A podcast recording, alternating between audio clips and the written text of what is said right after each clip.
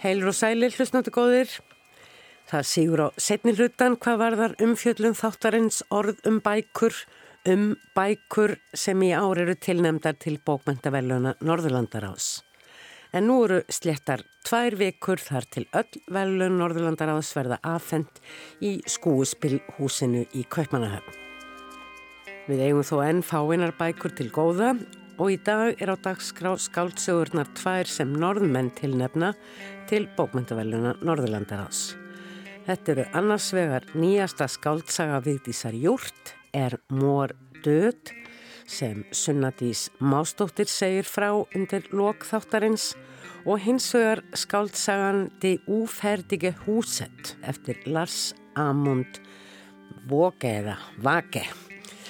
En um þá bók ætlar Marta Guðrun Jóhannesdóttir að fjalla hér á eftir.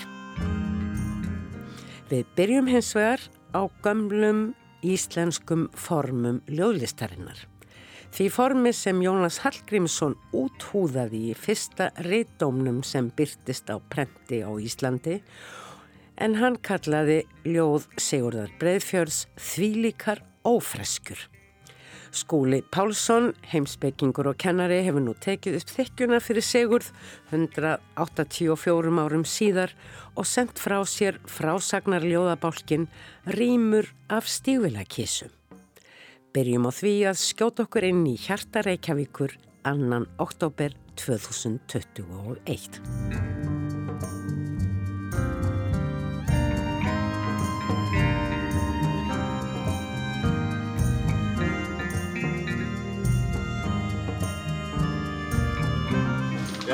kæru vinnir, góðu gæstir. Velkomin í Hjarta Reykjavíkur í útgáðaháttíðina sem að allir hafa byggðið þetta. Þetta er viðburður, ekki bara í bókmentum, heldur í menningarsögu Íslands. Því að þetta hér er bókin sem Íslendingar hafa byggðið eftir síðan 1846 eins og stendur skýrum stöfum aftan á bókinni.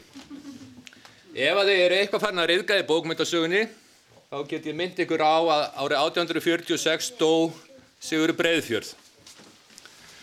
E, þetta sölu slagorð er svona mynd bæði í gannu alvöru en í, þetta er mynd í alvöru að því leiti að ég þykist tak, vera að taka upp þráðinn frá Sigur Breiðfjörð og, og hefa ætlaði mér það.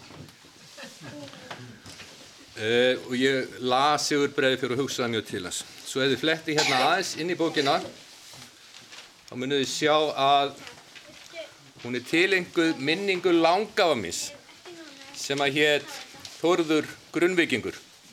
Hann hétt Þórður Þórðarsson og kallaði, kallaði Þórður Grunnvikingur. Hann var rímnaskáld og tektur hagriðingur á sínum tíma en hann var fátækur sjómaður fyrir vestan druknaði ungur í róðuri á Ísafjörðardjúpi átti oft í svona bastli við að ná endun saman en hann orti vísur og rýmur og kvæði einhver gæti kannast við formannavísur úr Víkursveit sem að Steindur Andersen hvað og gaf út á plötu. Eh, hann gaf út tvær pínlítla ljóðabækur og þær eru fullar af svona gamni, gríni og sprelli og svona einhverju, einhverju léttlindi. Þannig að þessi langafi minn sem að liði svona erfiði lífið þarna vest, fyrir vestan, hann hefur verið svona humoristi og ég hugsaði mjög til hans þegar þetta var vort. Þannig að hugmyndin með verkinu er einhvern veginn að taka þessa gömlu hefð sem rýmirna voru inn í nútíman og eiginlega, ég var ekki bara að hugsa til að rýmna skáldana heldur fólksins sem að í gamla daga hlustaðu rýmur, skemmti sér við rýmur. Af því að rýmur voru aðal skemmtun fólks bara margar aldir og mér langaði svona að vita hvernig var það að sitja í baðstofun á vetrarkvöldi og hlusta á einhvern hveða rýmur hvað var svona skemmtilegt við það? Hvernig, hvað hugsaði fólki og hvað talaði um og hérna, veit, og ég þykist vita, allir vita sem að hérna lesi spennandi sögu eða bara hvernig það er að lifa sig inn í spennandi sögu. Lifa sig inn í list af því að, af því að rýmurnar er ekki bara bókmentir, heldur ekki síður fluttningur, tónlist. Og eitt af því sem að, maður sér þegar maður les rýmurnar er að hvernig skáldin og áheyrendur þeirra hafa indi af orðagnóttinni skáldin eru algjörlega ölfuð af þessum dýru bragarháttum sem eru ortu og það finnst mér heillandi þetta indi af orðum. Sko rýmur eru eiginlega ekki gerðar til þess að lesa í hljóði heldur til þess að flytja og hlýða á. Og þegar rýmur eru fluttar þá er það kallað kveða. Og hvæða menn voru í gamla daga eftirsóttir skemmtikraftar. Því miður kann ég ekki þessa list en sem betur fyrr þá er margt fólk sem kann þessa list. Og hér er hvæðafólk inni og þau ætla að hveða góðan partar í minni, það tekur svona korter uh, og sem mun gefa ykkur hugmyndu um hvað þetta er. Án þess að ljóstra upp um alla klæki aðal personinnar í sögunni. Uh, Ragnhjörður Ólafsdóttir stýri þessu og kynir framaldið. Og bara góða skemmtun.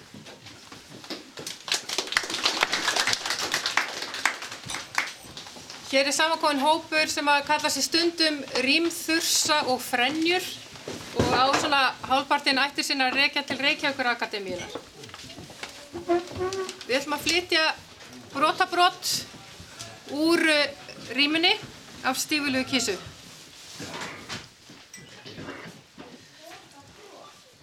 Óháar sól og himnaljós er heimsins rýmu semur Lífi þakkar þér hver rós, hver þangi frá þér kemur. Þýð er blíða þórna hei, því lít indali sveður, sér í lægi mína mei, mikið sólinn gleður. Maður ætt að virkja ljóðum. Við heyrðum hér upphaf mannsöngs, fyrstu rímu af sex, úr rímum af stígvílakissu eftir rímnaskáldið Skúla Pálsson, eins og hann er titlaður á baklið bókarinnar. Þótt skúli hafi kannski hingað til ofinberlega frekar gengt titlum eins og heimsbyggingur eða kennari. Velkomin skúli og hjartanlega til hamingi með þessa bráðskemtilegu bók, rímur af stígvílakissu. Hvað kemur til að þú svona, já, fyrir mér allavega og kannski flestum stígur eins og þrjum ár heiðskýru lofti fram sem rímnaskáld í hjarta Reykjavíkur eins og gerðir fyrir skömmu? Það er nú bara það að mér fannst leiðinlegt hvað rímur eru fallnar í gleimsku einhvern veginn. Það hafa ekki komið út nýja rímur og bók síðan 1978 þegar að Disney rýmur Þóraðin Seldjóns komu en á fyrri öldum í margar aldir voru rýmur vinsælasta skemmtun í Íslandi enska. Ég held að þessa rýmur getur orðið alveg vinsæl skemmtun allavega eins og ég segi búin að skemmta mér dável við að bæði að hlusta á þetta og, og hérna og lesa. Stígvila kissi sem verður stígvila kísa sem sagt læða var það, var það fljótt svona efni viðurinn? Já, já, það er gömul hugmynd að hérna ég kom auðvitað á að í þessari þekktu sögu er svona, eru, það eru gloppur í sögunni eins og hann er vanilega sögð af því að stífila, stífilaði kötturinn er að láta einn plata kongin og alla í kringum sig. En það er svo ótrúlegt að kongurinn skuli hafa fallið fyrir þessum augl, augljósu blekkingum frá þessu fressi og það hliti að vera einhver skýring á því að hverju kongurinn var svona auðtrú og tilbúin til þess að, að trúa allir sem kötturinn sagði og hugmyndin að þessu verki var upphaflega að útskýra að hvaða, hvaða áhrif kötturinn hafði.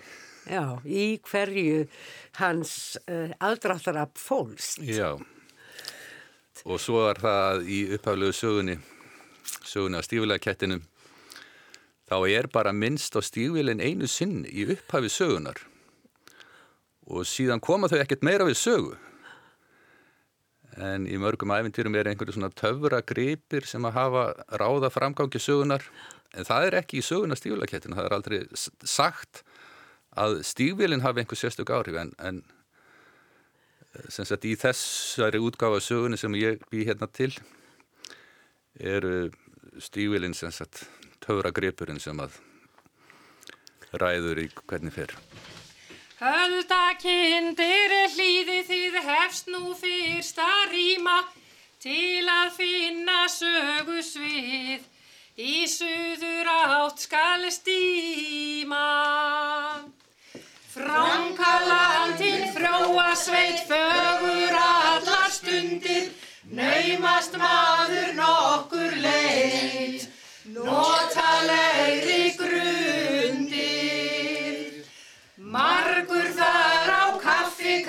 kísa sitt og drolla, var við allt og ekkert spá, yfir er bolla. Mér sýnir svona á því sem að þú sagðir í hjarta Reykjavíkur fyrir skemstu og á uh, rímanum sjálfum að það hafi kannski verið fyrst og fremst þrengt sem það hafði verið að leðarljósi nefnilega að þetta skildi vera nútíma rýma, það skildi vera Já. nútímalega rýmur, Já. það skildi vera humorískar og það skildi líka vera barokk. Himna föður feitur þjótt fólkið unga gifti, hátíðilegur helgi tjón til hæðanda lifti. Ráðið var að riðja borð og rýma fyrir kæti, við undir leik á klavikorð, kann sér engin læti. Fljóð og piltur fótastnar fljótt í dansin ramba, leikin fjöru volta var á violuta gamba. Heyri skælum háan sal hljóma gangur slungin, margra daður matrikal, mjúkum röttum sjungin. Barokki gegnur ákveðinu hlutverki og til dæmis e, e, þannig í veistlunni. Þá ferðu mjög svo í gegnum, e, já hvað ég segja, veistluhöld barokk tímans, ekki síst hvað tónlistina var þar. Já, þetta kemur fyrir í sjötturímu, hvað sem er líst brúðköpsveistlu, Malarsonarins og prinsessunar og ég sá fyrir mér barokkveislu og með sagt, tónlist og, og fólk í barokkbúningum og, og það kemur til að því að mér finnst rýmur vera barokklist. Mm. Stígvilega kvarturinn er líka svona hangir svona tímalegi í barokkinu uppaflega. Charles Perrault sem að skrifaði söguna, hann er 17. aldamadur og, og barokkmadur og í barokk list er mikið skraut og svona ofhlaðið og tilfinningar, mikla tilfinningar. Já, og, já, svona stór átök. Svona rísa stór málverk af hérna einhverjum rísavöxnum svona vættum og hömluleysi einhvern veginn. Og rímunar í gamla daga þær voru fullara af svona rosalega merkjuðum bardagalýsingum og hetjurna voru yfirgengilegar og, og svo var þetta skraut allt sem að rýmnaskáldin höfðu. Hérna dýrir, bragarhættir, mm. uh, skáldamálið, kenningarnar og heitinn sem að var svona mjög háþróuðu list sem var bara skraut, einhvern veginn skraut sinns vegna og fólkið í gamla daga sem að skemmti sér við rýmud kunni að meta þetta, Akkurat. dýrahætt hluti, floknar kenningar, Flott orð. flott orð og svona smellið rým. Þetta er andstæða við margt af nútíma ljóðlist sem er svona mínimalísk, það sem að gengur út á að tálka og nota sem fæst orð. Uh, í rýmunum þá breyðir skáldi úr sér og nota sem flest orð og sem allra skrautlegast. Mér fannst það skemmtilegt. Já, þú hlýtur að hafa skemmtir við að, Já, já. við að yrkja þetta. Þú, þú myndist á bragarhætti og við töluðum um sex rýmur og það eru fimm bragarhættir. Það er fersketla í upphafi og enda og svo er þarna braghenda, bak, stöðlafall, stafhenda, stikluvik og þetta eru ólík form. Stuðla fall nú stöðugt vil ég hveða, engin háttur annar mér, indi fær sem þessi hér. Nú er önnur öld og breyttir tímar, hvað er af sem áður var, er allir kváður í murnar. Getur þú sagt hlustendum eitthvað um þessa bragarhætti hvort þér hafi ha- haft einhverja svona innihaldslega tengingu eða hvers vegna þú valdir akkurat þessa bragarhætti? Sko í, í rímunum eins og er voru í gamla daga þegar þetta var lifandi hefð þá var orð undir mismunandi bragar háttum og þeir eru kallaði rímna hættir. Þeir eru, Þeir eru fjölmargir. þeir eru, já, það fyrir eftir hvernig maður telur, oft eru taldir að vera 20 Okay. en ef maður fyrir að telja svona afbreyði þá eru þeir alveg óteljandi. Ja, Ferskeitlan er það sem að flesti þekkja og í gömlu rímunum var algengast að fyrsta ríma og síðasta væri ferskeitt og ég fer eftir þeirri hefð. Mm -hmm. Hínir hættirnir, braghendan, ég vel hana fyrst og fremst að því að ég finnst hún falleg, hún hefur sérstakann hljóm, Er ekki einrými henni líka, allavega í stöku? já stundum, ekki, Já. ekki, ekki hjá mér. Nei, þú ert stundum með einrým.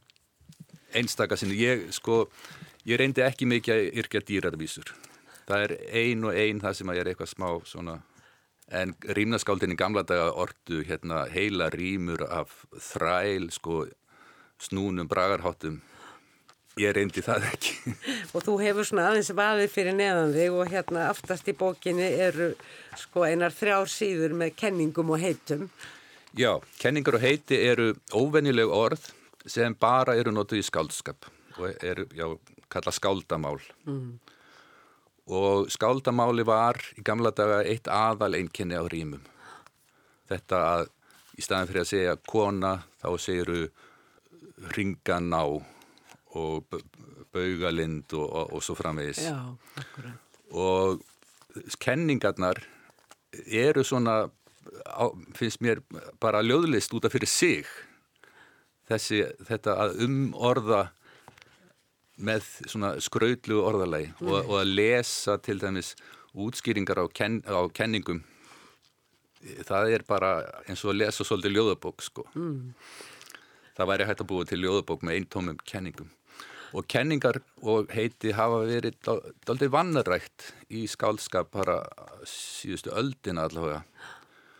En, en þetta er fjársjóður sem var í, í gömlu rímunum og, og skálskap á fyriröldum sem að mér finnst það að verið vannræktur og, og finnst ástæða til að hampa.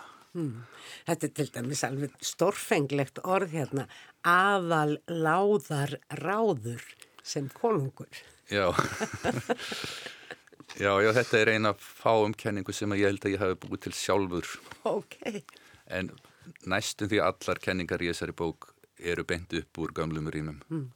Hefur alltaf lesið mikið rýmur? Þú sagður ju frá því hjarta Reykjavíkur í útgáfafagninunum að þú ættir ættir að reykja til rýmnaskálda. Já, já, langafi minn, Þorður Grunvikingur, hann var rýmnaskáld og afi minn, Skúli Þorðarsson, hann var, hann var þekktur hagariðingur á sínum tíma og hvæðamaður. Mm. Ég, sko, ég heyrði ekki afa minn hveða held ég, en ég heyrði hann oft fara með vísur og ég man alveg þegar ég var drengur eftir afa minnu sitjandi með fólki kringu sig og svo skemmt hann fólki með, með, með vísum þannig að strax þá svona vissi ég að þetta var eitthvað sem var hægt að hafa til skemmtunar. Þetta var gaman.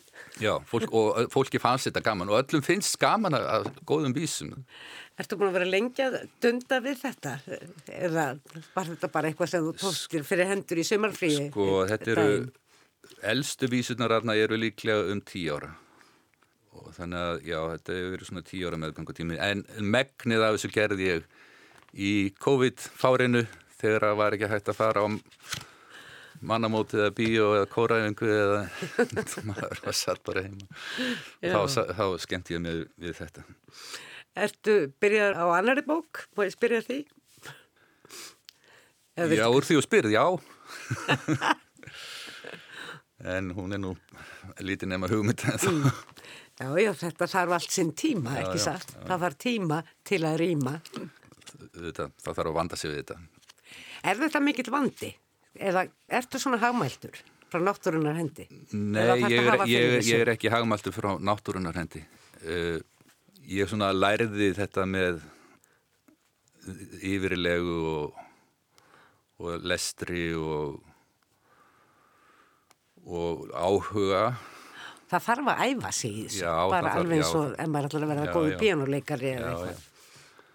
Það þarf að æfa sig og í mentaskóla þá var ég farin að dund flirta við og svona fykta við að yrkja með stöðlum og höfum stöðum svo hef ég verið viðlóðandi svona hópa hagirðinga og á Facebook er hópurinn Bóðanarmjöður sem margir kannast við sem er svona staður fyrir hagirðinga til að skiptast á vísum og ég stopnaði þann hóp og, og stýrunum hveðskapur hagirðinga er það eru fjölmarkir góðir hagirðingar sem að yrkja bara svona fyrir stundina vísur sem, að, sem er kasta fram og er ekki ætlað að lifa lengur en daginn.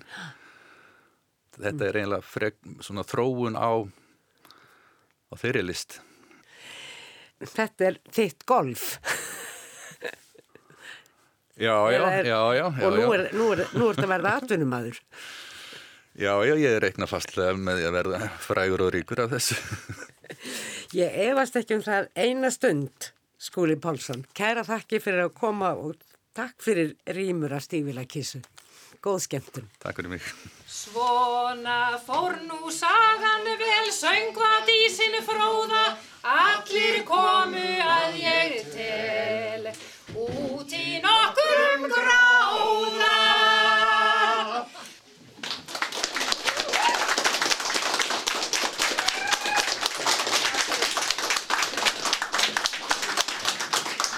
Verið. Takk, takk fyrir, takk fyrir. Vá, þetta var frábært. Svona, svona, svona hefur þetta verið í gamla daga, sko.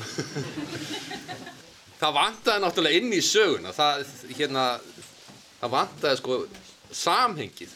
Þannig að ef þið viljið fá alla söguna, þá verður það að kaupa bókinu. Fæða fólkið sem hér hvað erur hóknum rým, þursar og frenjur sem nýtur leiðsagnar Ragnæðar Ólafsdóttur.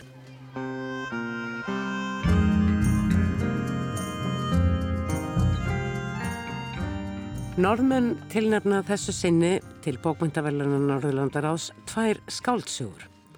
Annars vegar til úferðiki huset og kláraða eða ófullgerða húsið eftir Lars Amund Våge og hins vegar nýjustu skáltsugu hennar þekktu Vigdísar Júrt. Er mór död? Er mamma dáin? Báðir eru höfundarnir vel þekktir og eiga feril fjölda bókað baki. Íslendingar þekkja þó vantarlega mun betur til Vigdísar en það hafa fáinar bækur eftir hann að verið þýttar yfir og íslensku.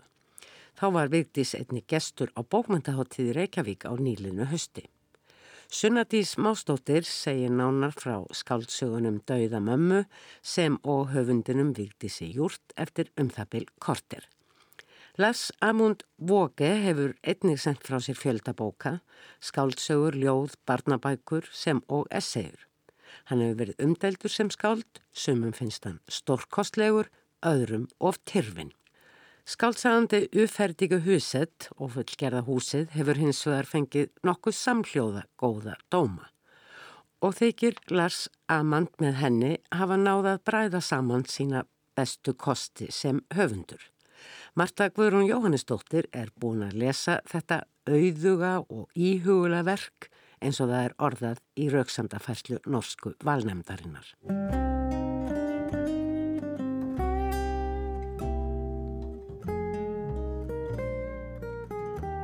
Lars Amund Våge er þekkt stærð í norskum bókmyndum.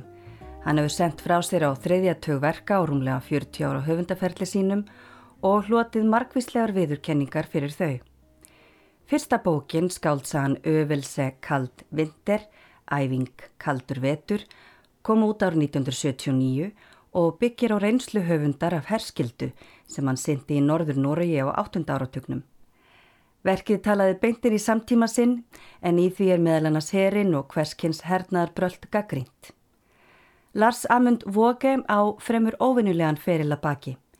Hann ætlaði sér alltaf að verða ljóðskáld en það var ekki fyrir seint á ferlinum eða árið 2001 sem hann sendi frá sér sína fyrstu ljóðabók, De Andri Rommett, hitt Herbergið. Hann læði stund á píjónuleik við tónlistarakademíun í Bergen en snýri sér að verkamannastörfum þegar að hans eigin sögn ljóst var að hann erði ekki koncertpianisti. Viðtökur verka hans hafa verið æði miðsjafnar. Hann ímist lofaður fyrir sérstæðan og ljóðrænan stíl eða gaggrindur fyrir að vera illskiljanlegur og óaðgengilegur lesendum. Árið 1990 sendi Lars Amund Våge frá sér sína fyrstu barnabók en þá höfðu sjö skáldverk komið út eftir hann. Það var barnabókin Gutten með den mjöki magen, drengurinn með mjúka magan sem treyði vogi vinsæltir lesenda og hans fyrstu bókmyndavelun.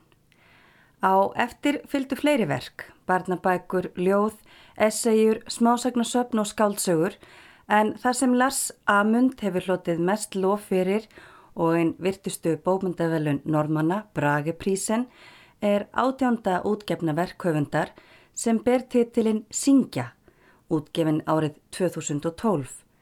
Singja byggir Lars Amund á reynslu sinni af því að eiga barn á einhverju rónu og gengur bísna næri sjálfum sér í skrifunum. Þó að bæði viðfónsefnið og tíminn sé allt annar eiga þessar tvær síðustu skáldsögur Lass Amund Vóge, Singja og skáldsagan De Úferdegi Husett, Ófullgerða húsið, sameiglega þræði. Fyrst og síðast ljóðrætt stillin sem Vóge er þekktur fyrir, skilningur, hlýja og næmni fyrir innri átökum, sorg og missi. Þetta er í fyrsta sinn sem Lars Amund Vóge hlýtur tilefningu til bókmyndavelunan Norðlandaráðs og hana hlítur hann fyrir ófullgerða húsið sem kom út árið 2020. Sagan hefst á bátsferð. Bræðurnir Hallvard og Helge frá bænum Hauge í Herðangusfyrði þurfa í kulda og myrkri að íta bát úr vör til þess að sækja læknin yfir fjörðin. Að róa er eins og að draga andan, eins og segir á einum stað í bókinni, en aðstæðurnar gera bræðurónum erfitt fyrir en það í fyrsta sinn í sögu fjölskyldunar í Háke að sækja þarf læknin til aðstofar við basburð og þeir mega engan tíma missa. Fyrst hade mor hans, Anna, sagt at dette skulle de nog greia själva, slik de hadde gredd seg själva i alle der på gården. Døden hadde kommet og den hadde de møtt slik de måtte. Fyrst hafði Anna mamma hans sagt að þau myndu nú bjarga sér sjálf eins og þau hafði bjargað sér sjálf þessi ár á bænum. Dauðin hafði komið og honum hafði þau mætt. Fæðingar hafðu einnig átt sér stað og börnin sem fættust og lifðu hafðu þau alið upp. Þannig hafðu þau lært frá móður til dóttur frá upphafi tíma hér á bænum, hafði mamma hans sagt. En svo hafði hún að endingu eftir fleiri, fleiri klukkustundir mælt til hans. Þú verður vist að sækja ljósmóðurina, Hallvarður. Þegar bræðurnir snúa tilbaka með læknin er það um seinan. Margareti, kona Hallvards og annar tvíburana sem hún gekk með, lifðu ekki. En það gerði Gabriel sem verður miðja sögunar, yngsti sonurinn á bænum Hauge. Hallvard fer nokkrum árum síðar sömu leið og Margareti Í kjölfarið er bærin í upplaust eins og raunar samfélagið allt á sögutíma skáldsögunar í upphafi 20. aldar. Engin er til þess að taka við búinu, yrkja jörðina, ljúka við húsið sem föðubróður Gabriels, Sveimhugin og bókmynda unnandin Helge hófað byggja sér, dittaði hlöðunni og svo framvegis. Sá Noregur sem Lars Amund Voge lýsir er land á tímamótum sem nýlega hefur hlotið fullt sjálfstæði frá svíum. Aðstöður heima á bænum Hauge endur spekla breytingar á samfélagsgerðinni. Ekki þótti lengur sjálfsagt að elsti sonurinn tæki við búinu, búmannstreyðin er á undanhaldi en það margt annað sem freistar ungra bóndasona. Nýtt líf fjari heimahögunum í Ameríku, vinna við sjávarútveg eða í Vesmiðju og mentun sem nú þökk sé Grundvik og Líðháskólunum alþýða manna gat nú sótt sér. Eldri bræður Gabriels yfirgefa heimahagana og gera sig ekki líklega til þess að taka við búinu. Eftir sitja sískininn Gabriel og Ragnar sem er ekki eins og fólk er flest, kaldlinda Amman Anna og eintrjáningurinn Helge. Það er ymitt fyrir tilstilli Helge sem Gabriel kemst í kynni við bókmyndir. Vísanir í æfi og verk eins áhrifamestari tvönda normanna í lók 19. aldar, Arne Garborgs, eru gegnum gangandi í ófullgerða húsinu og Gabriel dvelur meðal annars um skeið á Jærin í Rógalandi þar sem Garborg ólst upp. Gabriel speklar sig í æfi Garborgs og verk sín í hans verkum. Garborg verður eitt sá fyrsti til þess að gefa út verk sín á landsmálinu, betur þekktundu nafninu Nínorska og notar málið í þýðingum sínum á likilverkum heimsbókmyndina. Garborg sendi frá sér skáldsöguna Bondestúdenter eða Bændastúdenter árið 1883 sem segi frá bóndasininum Daniel sem heldur til náms og snýr baki við heimahugunum. Í bóndestúdenter lýsir Garborg gjánni á milli bænda og ennbættismannastjættarinnar, sveitar og borgar og hvaða áhrif flutningurinn á milli þessara tveggja ólíku heima hefur á sveitamannin Daniel. Finnam á samsvaranir á milli þeirra Gabriels og Daniels Garborgs en þó er það ljóst samkvæmt umfjöllunum verk Voges í norskum fjölmilum að fyrirmynd hins fyrrnemda er sótt til Ava Lars Amund, norska bóndans og rittufundarins Ragvald Voge. Það má þó veld upp þeirri spurningu hvort det úferdige husett sé að einhver leiti endurgerð Lars Amund Voges á bóndestúndendir. Tilrönd til þess að tengja þessar ádrifaríku samfélagsbreytingar á 19. öldinni og uppafið þeirrar 20. við samtíman og tengsl eða öllu heldur skort á tengslum við upprunan og sveitina. Kanski er það ymmit tímabært núna, eitthvað í okkar samtíma sem kallar á það að atburðir og aðstæður í upphafið síðustu aldar séu rifjaður upp þegar við stöndum á mikilvægum tímamótum sem krefjast vissulega stefnubreitingar. Tókstreitan á milli löngunar Gabriels til þess að verða mikil smetið ljóðskáld og skildunar við ættina og bílið hauge er áberandi þráður í verkinu á samtinni kníjandi spurningu hvaða merkingu hús hafa í líf okkar, hvar við eigum heima. Húsið var í öllu falli ekki byggt í kringum Gabriel til þess að veita honum öryggi eða heimili. Vekkirnir voru ekki mjúkir vinir. Þakið veitti ekki skjól gegn regnskúrum, gluggar hleyfti ekki einn sól sem skinið gæti á hann. Gólfið hjælt honum ekki uppi. Húsið var þarna en ekki fyrir Gabriel. Þegar hann kom neðan úr nöstinu þar sem hann var stundum að leik og það kom fyrir að hann tæki feræringin og rýri svo litið til þess að sjá hvort hann fengi fisk var eins og húsið slútti fram og kæmi veltandi á móti honum vildi falla ofan á hann. En þegar hann kom upp túnið stóðað eftir sem áður þarna kallt og áhyggjulöst. Það var hús en hann langaði ekki alltaf að fara inn. Í þeim fimm hlutum sem verkið skiptist í er þessum heimi missis og saknaðar líst af miklum skilningi og næmni. Þetta óryggi fylgir Gabriel frá heimahögunum og í Líðháskólan á Karmau sem móðubræður hans tryggjónum plássi. Hann er í stöðugri leit að stað sem veitt getur honum skjól og sækist eftir viðurkenningu samferðamanna sinna í óöryggi sínu. Lars Amund Voge tekst að bregð upp sannfærandi mynd af tíðarandanum. Í líðháskólanum fer fram markvis innræting, þar er bóndin og alþjóðmenningin upphafinn á samt fortsögunum, snorra og fornum hveðskap, þar sem Þormóður Kolbrunaskáld er mikilvægasta fyrirmyndin. Verkefni hins harða og ósveigjanlega skólamestara, Uskidal, er að byggja upp þjóðirnisvitund, endurskapa tilfinningu hennar nýfrjálsu þjóðar fyrir þjóðirni og þjóðtungu, kasta burt dönskunni og taka upp það sem málfræðingurinn Ívar Ósen hafði lagt grunnað með óþrjótandi vinnu og rannsóknum landsmálið nínoska. Gabriel gerir sér ljóstað í tungumálunu býr ekki bara kraftur, heldur einni vald. Landsmálið býður upp á tækifæri til þess að endurmóta orðin og skapar einni nálegð við veruleika bóndans, það sem er honum kunnulegt. Nú fekk Gabriel að læra landsmálið.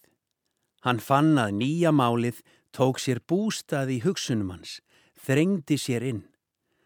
Landsmálið, eins og hann læriði núna, kom reyðu á óreiðuna sem hann hafði sjálfur skapað í ljóðunum þegar hann vildi líkjast Garborg, Vinje, Elias, Blix. Þá hafði allt bráðuna saman í hljóm, hrinjandi. Hann þurfti vald, að málið hefði vald. Það var ekki bara að láta allt framflæða í skálskapnum, það vissan. Hann ótaði sjálfur að sleppa takinu af tungumálinu sem hann þekkti og hafði notað. En hann þekkti landsmálið, þetta nýja. Það tók sér bólfestu í honum. Hann sá sinn innri mann, landslag sem hann hafði ekki áður séð. Það var hjartað sem hann sá og landsmálið steig inn í það.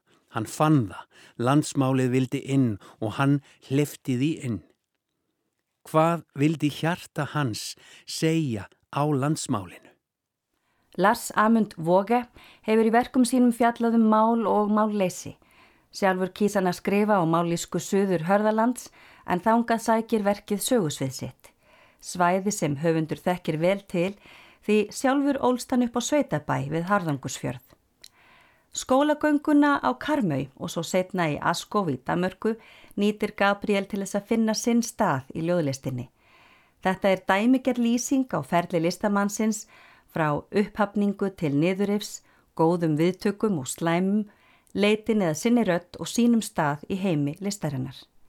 Voge blandar saman þekktum bókmyndategundum, kunstli román eða þróskasögu listamanns og aðferðum sögulegu skáldsögunar.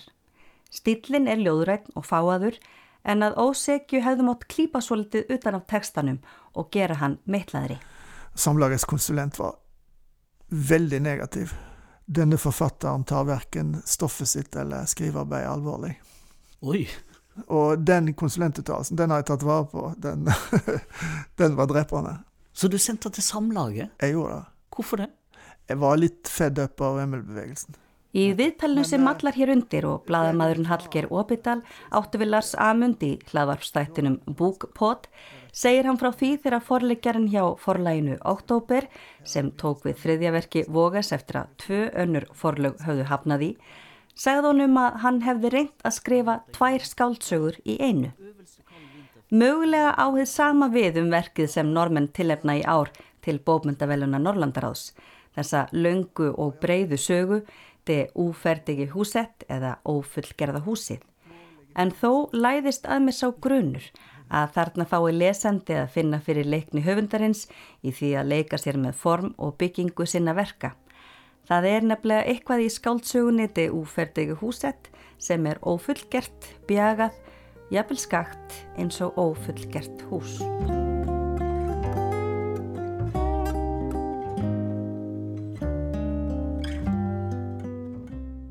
Når man har blitt så gammel som jeg er, så tror jeg man selvfølgelig lurer på hvorfor har livet blitt som det har blitt, og kunne jeg gjort noe annerledes osv. Men jeg legger jo merke til at det er veldig, veldig mange som i sin fortelling om sine liv, så er det av og til nesten rene forsvarstaler for de valgene man har gjort.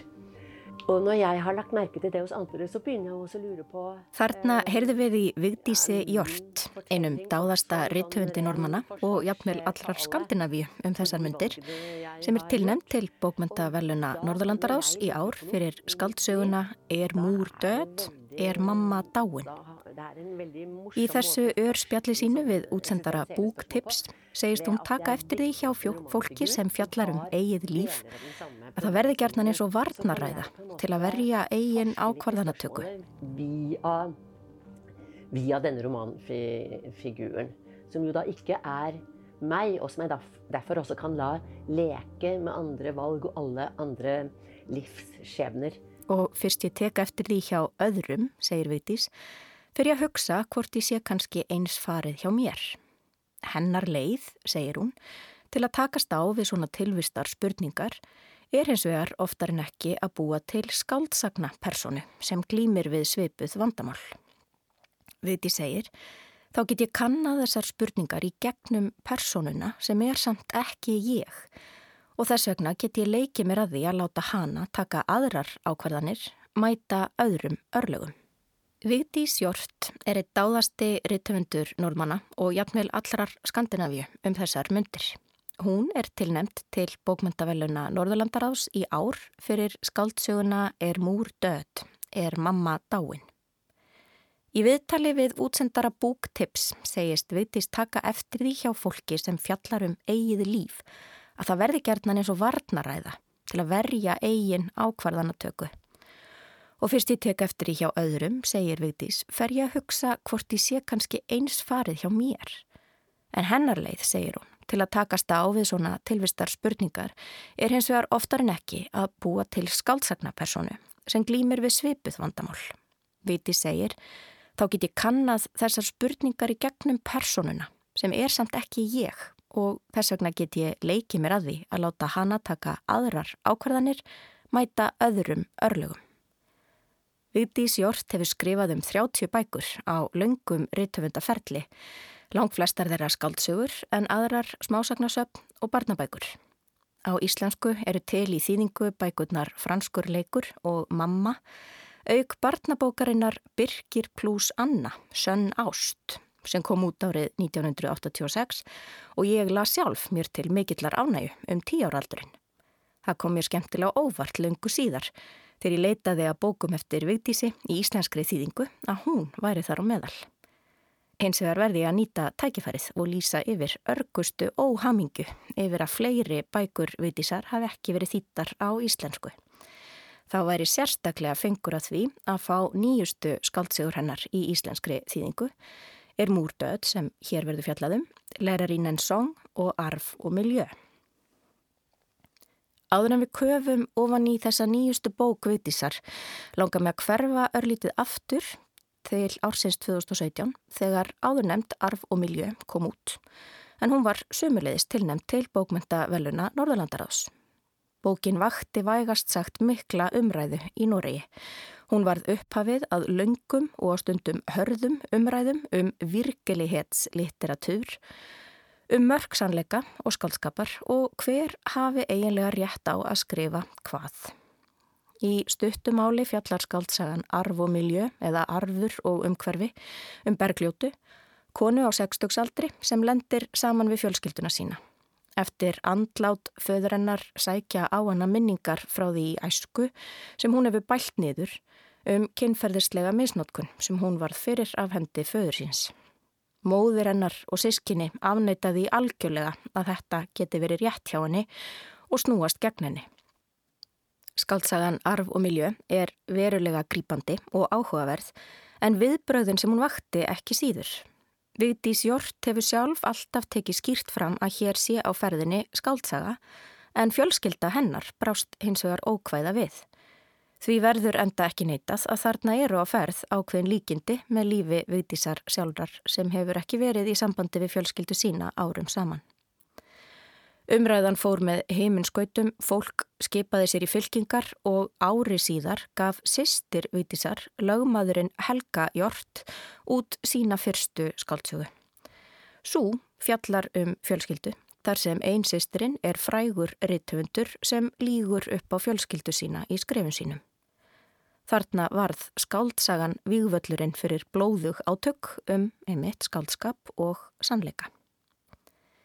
Það er áhugavert að heyra veiti sig setja skrif sín í það samhengi sem hún lýsir í viðtalinu hér áðan.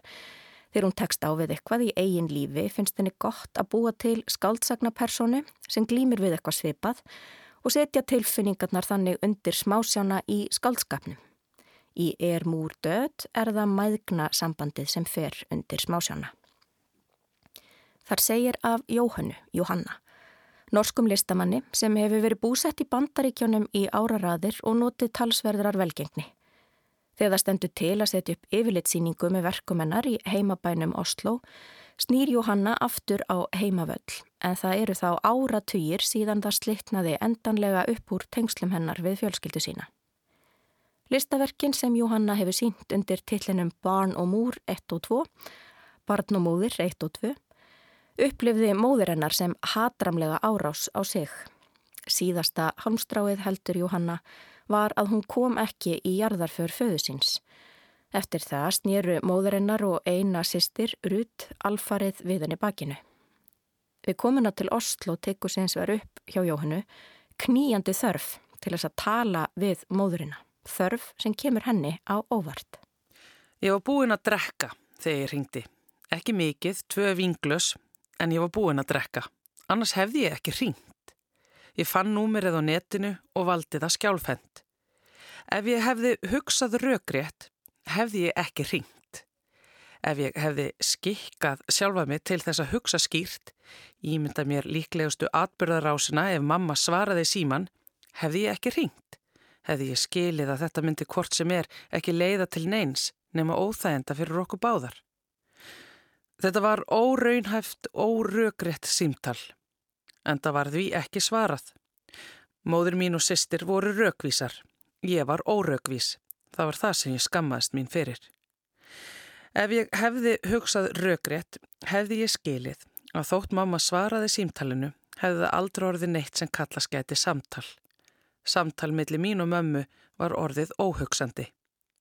En ég kefði ekki órökrétta hugmyndina. Ég vildi ekki hugsa skýrt.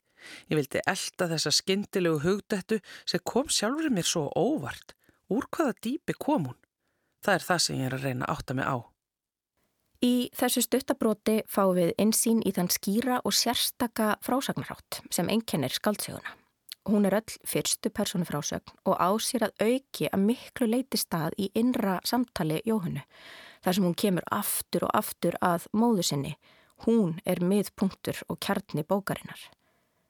Kablarnir eru allir stuttir, sömur ekki nema ein lína og flakka á milli þess að fær okkur framvindu í samtíma Jóhannu, brot úr innra samtali hennar og endurlit til æskunar, þar sem við fáum insýn í maðgna sambandið eins og það var þá í lífjölskyldunar áður en hún splúndrast. Þessi frásagnarháttur gerir að verkum að sögumadurinn Jóhanna er afar náleg. Himnan á milli hennar og lesanda er mjög þunn. Við örgum með Jóhannu um götur Osloar, höldum út í litla afskekta bústaðin þar sem hún slakar á og kvílist, felum okkur með henni í runna á meðan við njóstnum um íbúð mömmunar á Arni Bruns götu. Vigdís beitir líka óvenjulegri greinarmerkja notkun mjög markvist.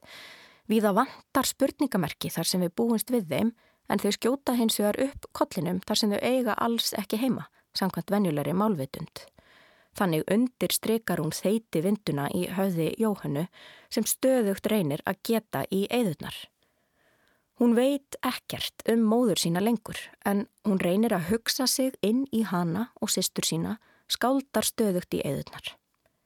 Höfundur fær okkur þannig stöðugt til að staldra við og velta því fyrir okkur hvað er satt, hvað er logið, hvað er sannleikur, hvað er skaldskapur. Að því leiti má segja að bókin sé að ná skilt arf og milju og eftir málum þeirrar útgáfi.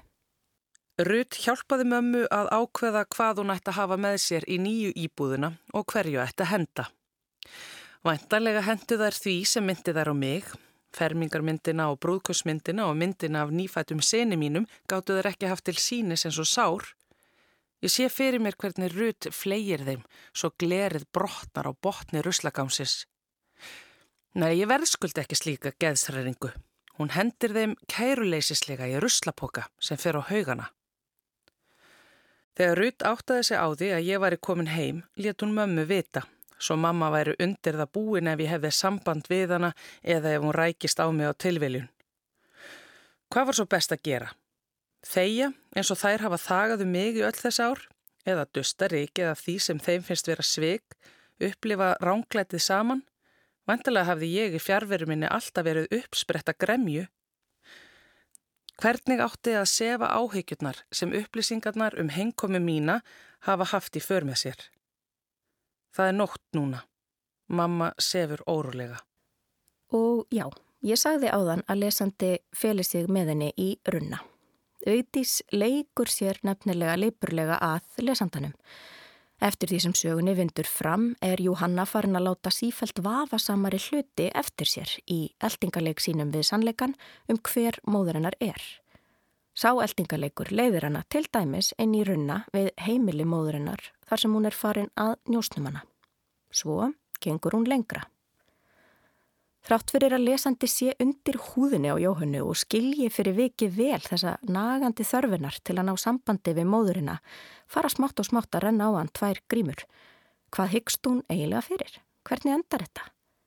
Eftir því sem hún verður ágengari og óþægilegri í eldingaleiknum verður ekki hjá því komist að velta því fyrir sér hvort að sé kannski afar skiljanleg og í raun skinsamleg afstafa hjá móðurinnar að svara kvorki símtölum Jóhannu nýja dýrabjöllu ringingum. Er Jóhannu treystandi? Einhliða frásögnin gerir að verku um að við sem lesendur verðum sífælt meðvitaðri um hvað við fáum ekki að heyra, hvað okkur er ekki sagt.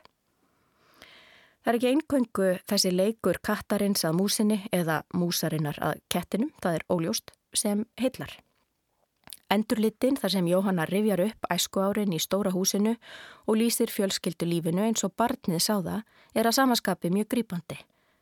Móðurinnar er þá glæsileg kona með eldrautt hár, eldurinn frá Hammar, kallar pappinar hana en jafnvel í gegnum takmarkaðu sjónarhort barsins byrtist hún lesenda sem þjöguð manneskja af bæði ytri aðstæðum og innri átökum.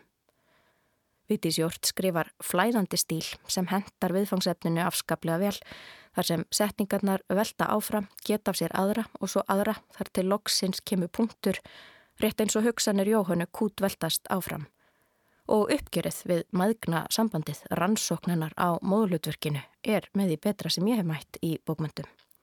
Í meðförum Vigdísarjort er maðgna sambandið sárt, flókið og svo langt frá því að vera rósraut. Eldraut frekar eins og eldurinn frá Hammar. En múr er ett múr utan de, skrifar Vigdís. Móðir er morð, bara einum staf og vökið. Fleiri verða orðum bækur ekki að þessu sinni. Tæknimaður þessa þáttar var Úlfildur Eistinsdóttir. Við minnum á heimasíðu þáttarins rúf.is skástrygg orðum bækur þar sem hlusta má að einstaka hluta þáttarins. Takk fyrir að hlusta hér og nú verði sæl.